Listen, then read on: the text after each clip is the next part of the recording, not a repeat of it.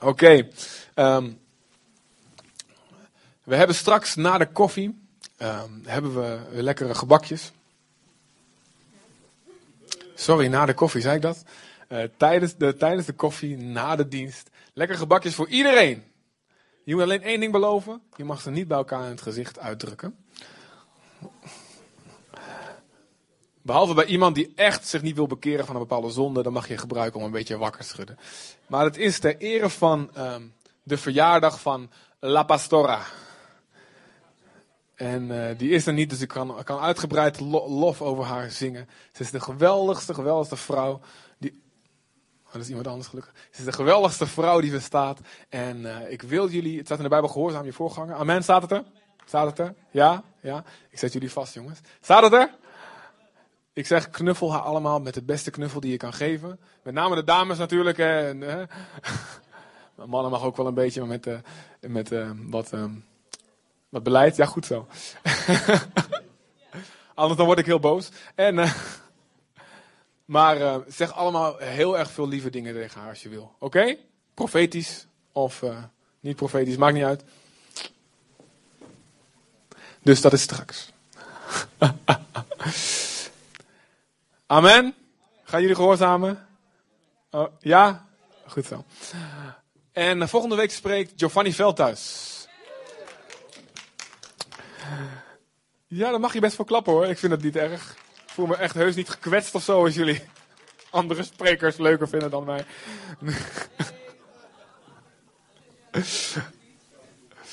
Goed. Ehm, we gaan eh, het avondmaal vieren met elkaar vandaag. Ehm, een avondmaal is een geweldig beeld van de goedheid en de genade van God. En ik zal het nog een keertje zeggen, ik zal het elke week herhalen. Als jullie, als ik zo'n stilte doe, dan is het echt een moment dat jullie heel hard Amen mogen zeggen. Goed zo. Zullen we even oefenen? De, de avondmaal is echt een beeld van de goedheid en de genade van God. Wauw, die was echt spontaan. Heel goed. Dan heb ik een, echt een goed idee dat het goed overkomt bij jullie. En dan denk ik, yes, en dan word ik enthousiast. En dan gaat het allemaal nog gezalfder en beter. En dat willen jullie allemaal, toch? Ja, hè? Goed zo. Oké. Amen. Dat was weer een stilte. Heel goed. Oké. Ehm, in de handelingen zie je, dat ze, ehm, zie je dat ze beginnen met het avondmaal vieren. Jezus heeft het ingesteld. En ze doen dat vooral in de huizen. En er staat, er staat in het begin dat ze het dagelijks deden. En ergens even later staat zelfs staat de suggestie dat ze het wekelijks deden. In de kerkgeschiedenis kom je, tegen, kom je eigenlijk alles tegen. Je komt kerken tegen die doen het één keer per jaar of een paar keer per jaar. Anderen doen het zelfs elke dag. Ehm, dus er staat geen vaste regel hoe vaak we het moeten doen. Heel veel kerken doen het één keer in de maand of de eerste zondag van de maand. Ehm, we hebben daar tot nu toe nog niet voor gekozen. Misschien gaan we dat doen. Maar we willen eigenlijk eh, dat het zoveel mogelijk gebeurt in de twaalf groepen. Dus in de kleine groepen. Omdat we denken dat je daar ook eh, makkelijker een sfeer van intimiteit kan hebben. Ehm, en een tijd van persoonlijk gebed voor elkaar. Misschien een tijd van zonder beleiden naar elkaar. En bidden voor elkaar. Wat er eigenlijk allemaal heel mooi bij past. Dus dat is tot nu toe hoe we het doen. Uh, maar we willen dit zeker uh, ook regelmatig in de gemeente doen. Dat is de eerste keer dat we het nou in deze zaal gaan doen. En ik ga uh, wat daarover delen vandaag, wat het betekent. Um, en ik wil daar gaan naar uh, 1 Korinthe 11. En het is een vrij streng stukje um, waar, um, waar Paulus hier spreekt over het avondmaal.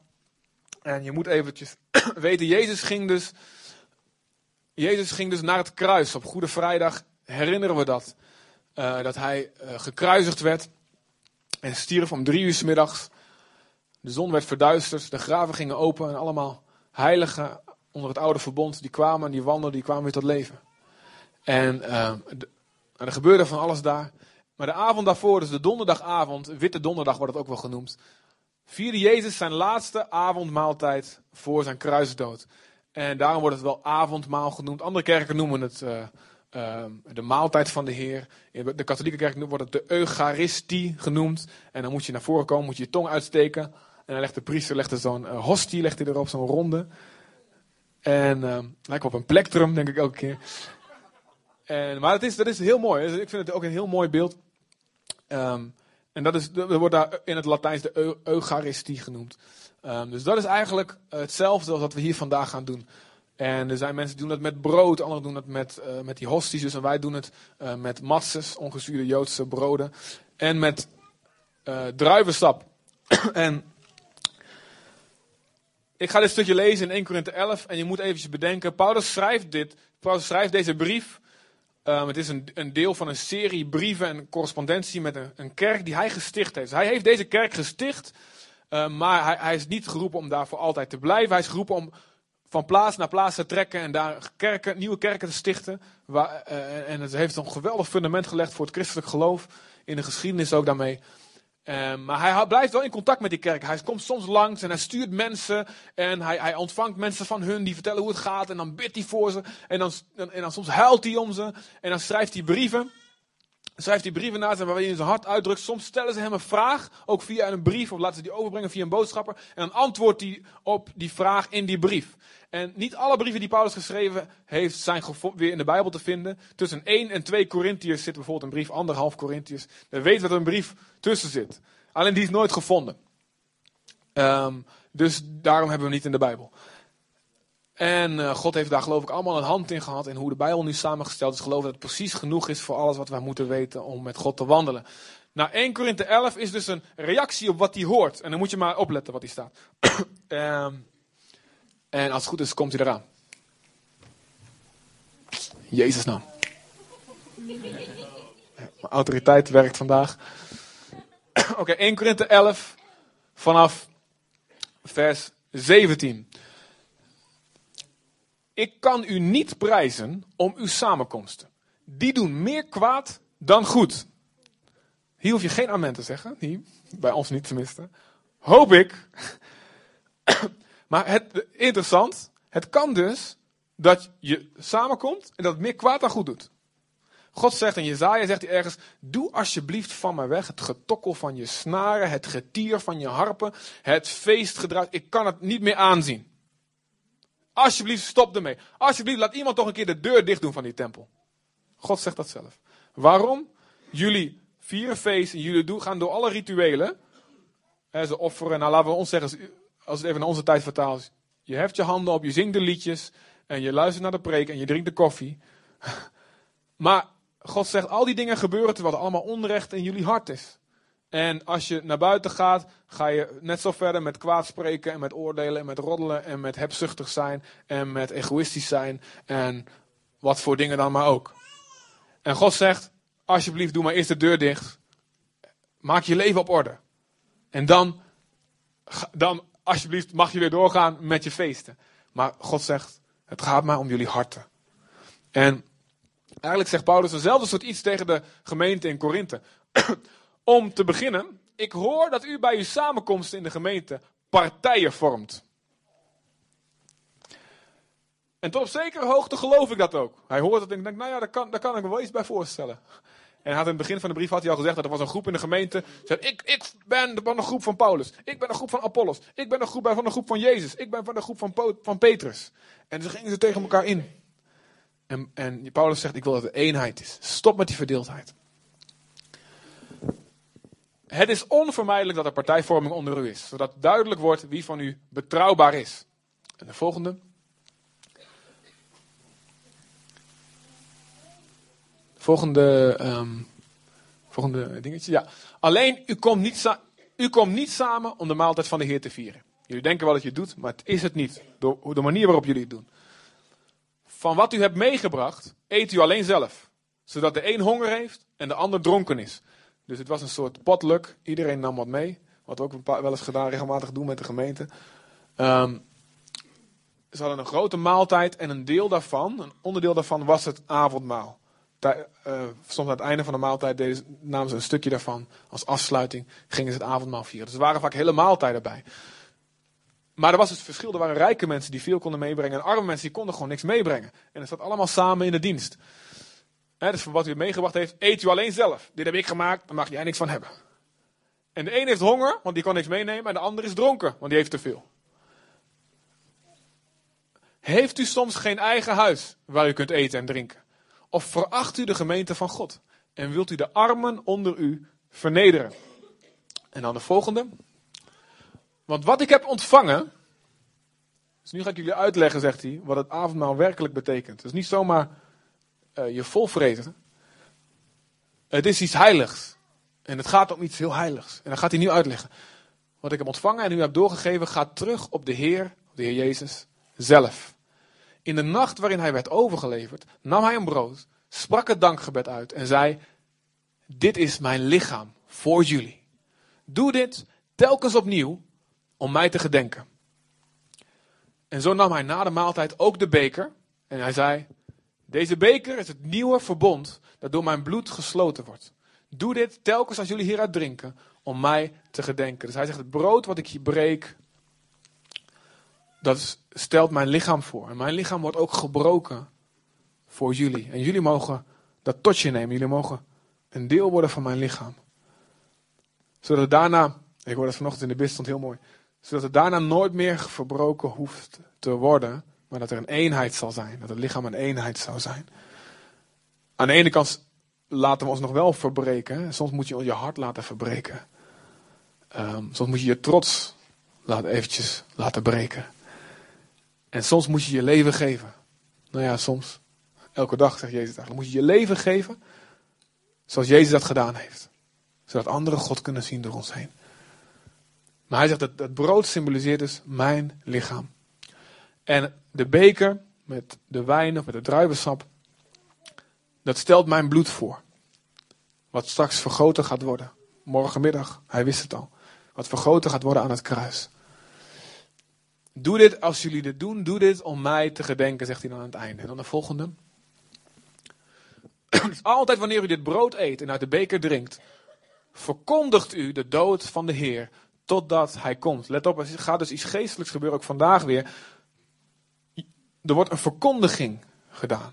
Er wordt een prediking gedaan. Een boodschap gaat als het ware uit in de geestelijke wereld naar jezelf, naar demonen en naar engelen en overal. Ook al zeggen we misschien er niks bij.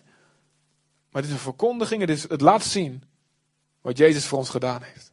Jij laat het zien door ook daar deel aan te nemen. Wij laten dat zien vandaag. Je verkondigt de dood van de Heer. Totdat Jezus terugkomt. Daarom maakt iemand die op onwaardige wijze van het brood eet.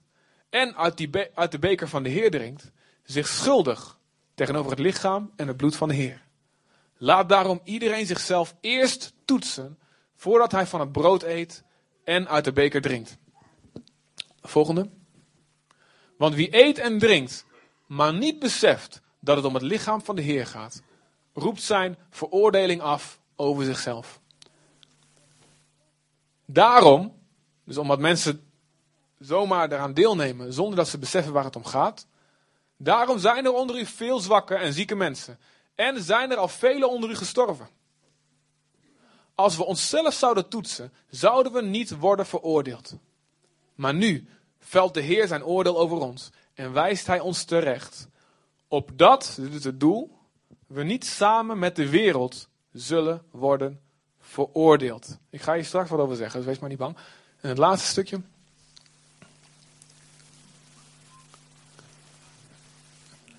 Is dat het laatste stukje, denk ik, ja. ja. Daarom, broeders en zusters, wees gastvrij voor elkaar wanneer u samenkomt voor de maaltijd. Wie honger heeft, kan beter thuis eten dan leiden uw samenkomsten tenminste niet tot uw veroordeling. En de overige zaken zal ik regelen wanneer ik kom. Oké. Een heel heftig stukje. Een heel belangrijk stukje ook. Ehm, hij zegt er is verdeeldheid onder jullie. En wat hij hier wil doen is, hij wil mensen laten beseffen waar het om gaat. Je moet, het, je moet beseffen dat het om het lichaam van de Heer gaat. Dat het niet zomaar iets is wat we even met elkaar doen, een ritueeltje of een maal of een feestje. Het gaat om het lichaam van de Heer. En hij zegt er moet eenheid zijn. Er moet, niet, er moet niet, geen ongelijkheid zijn. Je moet niet alleen maar aan jezelf denken. Je moet beseffen, ik ben één lichaam. Samen met die andere stukjes van het brood. Ik ben één lichaam. Ik ben één in Jezus. Een lichaam, een pink, als hij tegen de lever gaat werken, heb je een groot probleem. Als een vuist tegen een buik gaat werken, dan pff, staat heel raar als je op straat loopt, weet je wel. Een lichaam wat tegen zichzelf werkt. Toch?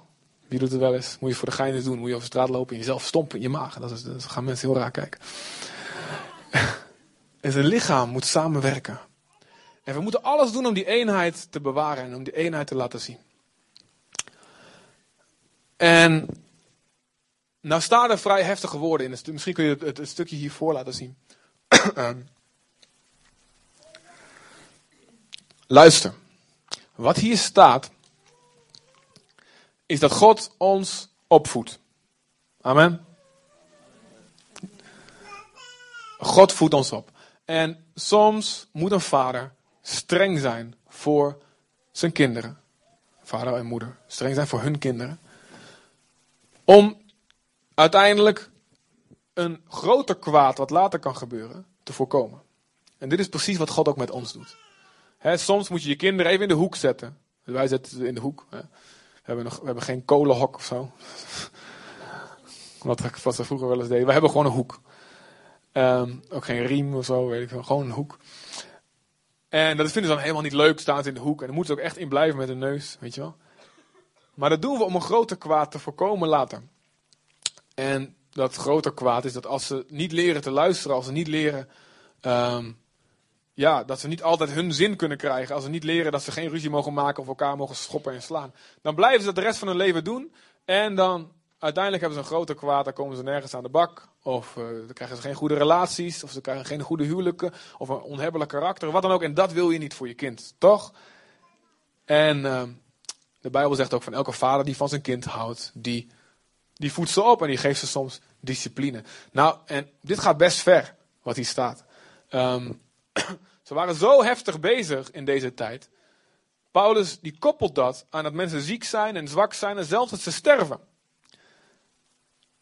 En hij zegt dat um, het doel daarvan is, God wil ons soms wakker schudden met hoe we bezig zijn. Als we in zonde leven, of als we bitterheid in ons hart hebben, of als we niet één zijn, wil hij ons wakker schudden. Met als doel dat we uiteindelijk niet samen met de wereld veroordeeld zullen worden. God wil niet dat we uiteindelijk aan die zonde vasthouden, aan die bitterheid vasthouden. En daardoor onder het eeuwige oordeel komen. Hij zegt, ik, ik laat jullie liever het nu even voelen. Dat je weet waar je mee bezig bent. Omdat ik van je hou. Omdat ik dat uiteindelijk wil ik niet voor je. Nou, dit is een vrij heftige boodschap. En uh, we hebben de afgelopen tijd, vorige week heb ik gesproken over God. Wie weet nog waar ik vorige week over gesproken heb? Wie weet het nog? Bemoedig mij, kom op. Hopelijk weet je het nog, toch? Wie weet het nog, roep eens.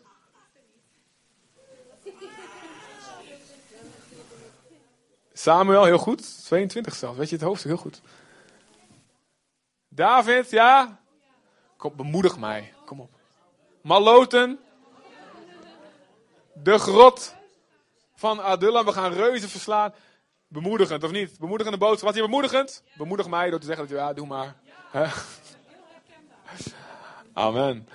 En, en de week daarvoor, die is helaas niet opgenomen. Dat is echt de grootste heftige. Oh, want toen ik dat hoorde, dacht ik, ah, die preek ik nog een keertje speciaal voor de opname. De week daarvoor heb ik gesproken over vallen is. Vallen is. uh, blijven liggen is. Opstaan is. Amen. Bemoedigend, vertroostend, amen.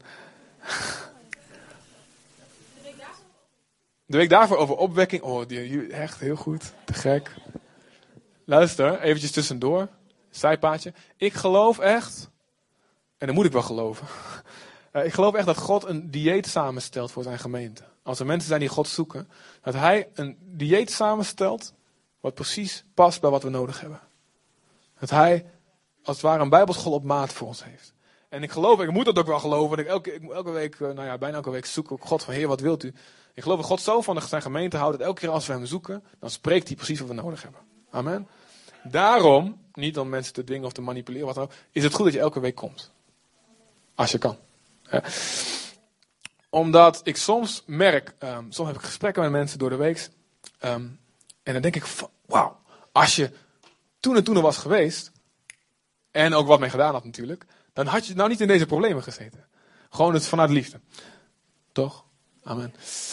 En Maar de, de Bijbel zegt, we moeten, we moeten letten op de goedheid en op de strengheid van God. Er zijn twee kanten van God die we alle, waar we allebei op moeten letten. En sommige mensen letten alleen op de strengheid van God. Oh, we zijn wormen, we kunnen niks. En, oh, ik ben zo slecht en ik weet, ik verdien niks bij u. En, oh, Heer, ik, ik moet dit allemaal, ik moet dat. En God, u bent zo streng. En, en andere mensen letten alleen op de goedheid van God. Van, ah oh, joh, God vindt alles goed. Hey. Ja, doe maar wat je wil. Het is toch allemaal genade, weet je wel. Ik word toch wel vergeven, dus ik doe dit even, weet je. En, wie zei er amen? ja, beschuldig. Lekker wel Adam en Eva een beetje naar elkaar zitten wijzen hiervoor.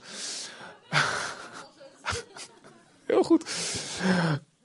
We hebben allebei nodig.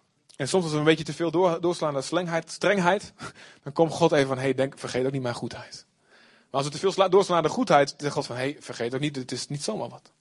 Daarom horen prediking en over de genade van God en over de vrezen des Heren, horen allebei in de gemeente thuis.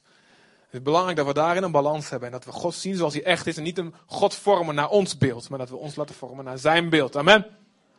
En dat we het woord van God laten spreken zoals het is. Ik heb het hele hoofdstuk ook bewust helemaal voorgelezen, niet een paar versen eruit. Dit is wat God, spreekt. En ik, ik heb te veel ontzag voor God om de boel te veranderen. Dit is wat God spreekt. Omdat hij wil dat we dit horen. De Bijbel zegt, God houdt van ons. Hij heeft ons geroepen, hij heeft ons genade gegeven, hij heeft ons schoongewassen. Kijk naar het lichaam van Jezus. Zijn lichaam is verbroken voor ons. Kijk naar hoe lief God ons heeft. Hij komt, hij laat ons niet in de penarie zitten in onze zonde. Hij komt naar beneden en hij laat zich afmaken. Hij laat zich afslachten. Hij laat zijn rug open rijden. Hij laat alle vreselijkste dingen met zich doen. Hij laat zich verlaten door de Vader, omdat hij van ons houdt. En hij, zei, hij doet zijn armen open en zegt, kom hier alsjeblieft, dit doe ik voor jou. Kijk naar mijn liefde. Kijk naar mijn liefde. Kijk naar het kruis en dan zie je mijn liefde. Dan zie je hoeveel ik van je hou. Mijn armen staan zo wijd open als het kruis is. Het is de goedheid van God. Maar dan roept hij ons ook om hem na te volgen. En dan roept hij ons om erop te reageren. En dan zegt hij, als jij beseft hoeveel ik jou vergeef, hoeveel ik jou kwijtscheld, vergeef ook die ander. Als die ander iets tegen jou doet, vergeet niet dat eigenlijk, en eigenlijk zouden we het er niet meer over hebben, maar vergeet niet dat ik je heel veel vergeven heb, dat ik je heel veel kwijtgescholden heb. En als je dat snapt, dan verandert je hart en dan ga je anderen ook vergeven. En dan ga je niet meer aan jezelf denken, dan ga je niet meer jezelf volvreten en de ander honger laten lijden. En dan ga je niet meer partijschap hebben. En ik ben beter dan die. En ik ben van die groep. En ik ben van. Het gaat om het lichaam van de Heer, zegt hij daar. Het gaat om het lichaam van de Heer. Dus vergeef. Voordat je naar het avondmaal gaat. Ga je hart toetsen. Gaan we zo tijd ook voor nemen. En dat hoeft niet eindeloos. Dat je alleen maar het navelstaren bent. Als je vraagt aan God, Heer, laat me zien. Spreekt God. En als je, als je niks hoort. En als je eerlijk bidt en je hoort niks. Dan kun je gewoon ervan uitgaan dat het goed is. Echt. Denk ik echt. Het staat in de Bijbel, staat. In de psalmen staat een geweldig gebed. God, ik kan nooit al mijn zonden en overtredingen, die weet ik allemaal niet. Spreek mij van mijn verborgen zonden, spreek me daarvan vrij. Als ik iets niet weet, als ik iets nergens bewust van ben, alsjeblieft, bedek dat met uw genade. Maar ik weet wel dat u alles spreekt en alles waar ik nu aan moet werken, laat het me zien. En zodra ik iets weet wat ik kan doen, of wat ik niet goed gedaan heb, dan zet ik het recht en dan kom ik naar u terug. Ik wil een zacht hart hebben voor uw aanraking. Dus als je dat zo gaat vragen, als je zegt ik wil mezelf toetsen, dan mag je het vragen aan God. En alles wat gewoon in je gedachten komt, mag je met de Heer over spreken. Let op, als je het al een keer beleden hebt, als het iets van het verleden is, denk aan het vallen, blijven liggen en opstaan. Als je het al een keertje beleden hebt, een keertje zegt, als je het al een keertje rechtgezet hebt, maar je, er komen nog steeds allerlei aanklachten, het is nog steeds, nog steeds niet goed, dan mag je zeggen, duivel in de naam van Jezus wegwezen. Ik heb dat al rechtgezet met de Heer. Ik heb het al rechtgezet met, met, met mensen ook eventueel. En wegwezen duivel, dit is een aanklacht en jij probeert me niet te laten geloven in de goedheid van God. Jij probeert me te vertellen dat God niet goed genoeg is om mij te vergeven. Heel belangrijk. Maar het is belangrijk dat we naar ons hart kijken. En Jezus zegt in Matthäus 5, die heb ik ook erop staan. Volgens mij, ja, ja heel goed. wanneer je je offergave naar het altaar brengt en je je daar herinnert dat je broeder of zuster je iets verwijt, laat je gave dan bij het altaar achter. Ga je eerst met die ander verzoenen en kom daarna je offer brengen. Dus ehm, ik geloof in gewoon heel. Uh... oh, er gaat een glas water om. Ik geloof in het heel ehm, ehm, letterlijk volgen. Nou ja, in een heel, gewoon heel duidelijk volgen van wat het woord zegt. Dus dan willen we dat ook zo gaan doen. We gaan zo wat, wat tijd nemen.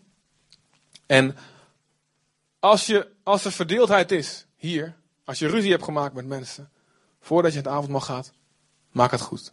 Als die persoon hier niet is, praat met de Heer, zeg ik ga het doen. Zodra ik de gelegenheid krijg, ik ga een afspraak maken. Ik ga het in orde maken. Ook als het niet jouw schuld is, maar je weet dat er nog iets is wat jij kan doen, doe dat dan. Oké? Ja, dat is eventjes niet zo, niet de makkelijkste weg, maar het is wel de zuiverste weg. Het is doen wat Jezus zegt, denk ik. En Jezus zegt, jaag naar vrede met iedereen die de Heer aanroept uit een rein hart. Hou vrede met iedereen voor zover het van je afhangt. Verwijder bitterheid uit je hart. Als iemand je iets aangedaan heeft, als je ergens mee zit, zeg God, ik wil het verwijderen uit mijn hart. Omdat u mij vergeven heeft, vergeef ik ook de ander. En als er andere dingen zijn die niet in je leven recht zitten, praat met God erover. En we gaan straks ook gelegenheid geven als je bij het avondmaal gaat. Alle twaalf groepleiders zullen daar staan. En dan, kan je, dan kun je ook met mensen daarover spreken. En zeggen, hey, wil je me helpen? Wil je samen met me bidden? Zodat ik gewoon een extra steuntje in de rug zeker weet dat ik vergeven ben. Luister. Waar het om gaat is dat we super eerlijk zijn. Super eerlijk zijn. We hoeven niet perfect te zijn. Maar wel eerlijk. Dat is het mooie. We mogen weten dat God snapt als we vallen. God snapt dat al Maar hij wil dat we eerlijk zijn. En dat gaan we zo doen met elkaar. En ook als het in je huwelijk is. Als je als man en vrouw, als je elkaar niet goed behandeld hebt, praat het uit met elkaar. In 1 Petrus 3, er staat mannen, als je niet verstandig leeft met je vrouwen, als je haar niet de eer bewijst die ze eigenlijk zou moeten hebben, dan zullen je gebeden worden belemmerd. Maak het eerst in orde en ga dan bidden. Ga dan je offer brengen. Verdeeldheid rooft de zalving van de Heilige Geest. Maar eenheid brengt de kracht van God. Amen. Zonde rooft ons van de aanwezigheid van God. Maar bekering, gewoon een zacht hart hebben tegenover God, dat brengt de, zet de kracht van God vrij. Zo simpel is het. En iedereen kan straks aan het avondmaal gaan met een zuiver en eerlijk hart. Dit, Paulus schrijft het niet als afschrikkend. Nou, ja, weet je wel, niemand kan eigenlijk goed genoeg zijn, dus doe het maar niet. Hij schrijft het niet afschrikken. Hij schrijft juist, ik, wil, ik nodig jullie allemaal uit om deel te nemen. En om te ontvangen dat God je helemaal vergeeft. En dat je helemaal schoon wordt. Maar, blijf eerlijk. Blijf eerlijk.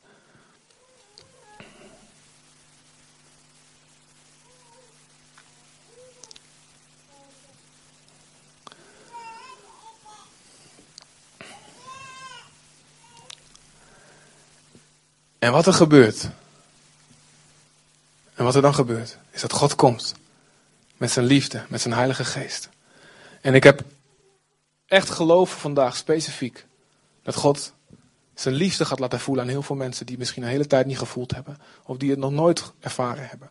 Hey, het gaat niet altijd om voelen, dat weet ik, maar soms is het echt best, wel even lekker, of niet? Ja, toch? Soms moet je even doen zonder gevoel en gewoon op geloof. Soms moet je trouwens ook even doen zonder verstand. Tenminste, dat je, niet, je God niet begrijpt, maar toch gewoon doet wat hij zegt. Maar ik geloof dat God zichzelf wil laten voelen aan heel veel mensen. Misschien, misschien jonge mensen. Je bent opgegroeid in de kerk, maar je hebt nooit eens ervaren van God. Of je hebt het wel een keer ervaren, maar je hebt het nu echt weer nodig. Ik geloof echt dat God het je wil laten voelen op het moment dat je aan het avondmaal gaat. Of dat we zo gaan aanbidden. Ik geloof dat God mensen wil dopen met zijn Heilige Geest. Je zegt, ik wil in spreken in tongen, ik wil gaan profiteren, ik wil, ik wil bidden voor mensen dat ze gaan genezen. Ik geloof dat God jou dat vandaag wil geven. Amen. Ik geloof dat God echt mensen wil genezen in hun lichaam. Ziektes waar je heel lang mee zit. Dat, dat, dat, hij, hij het van je af wil nemen. Misschien leugens waar je in gelooft. Waar je nog niet eens bewust van bent. Dat je, dat je eruit met de wortel en tak. Daar moest ik vanochtend aan denken. Het ontwortelen. Ik merkte tijdens de voorbeden dat ik, dat ik zo aan het doen was. En ik voelde mijn geest van God wil dingen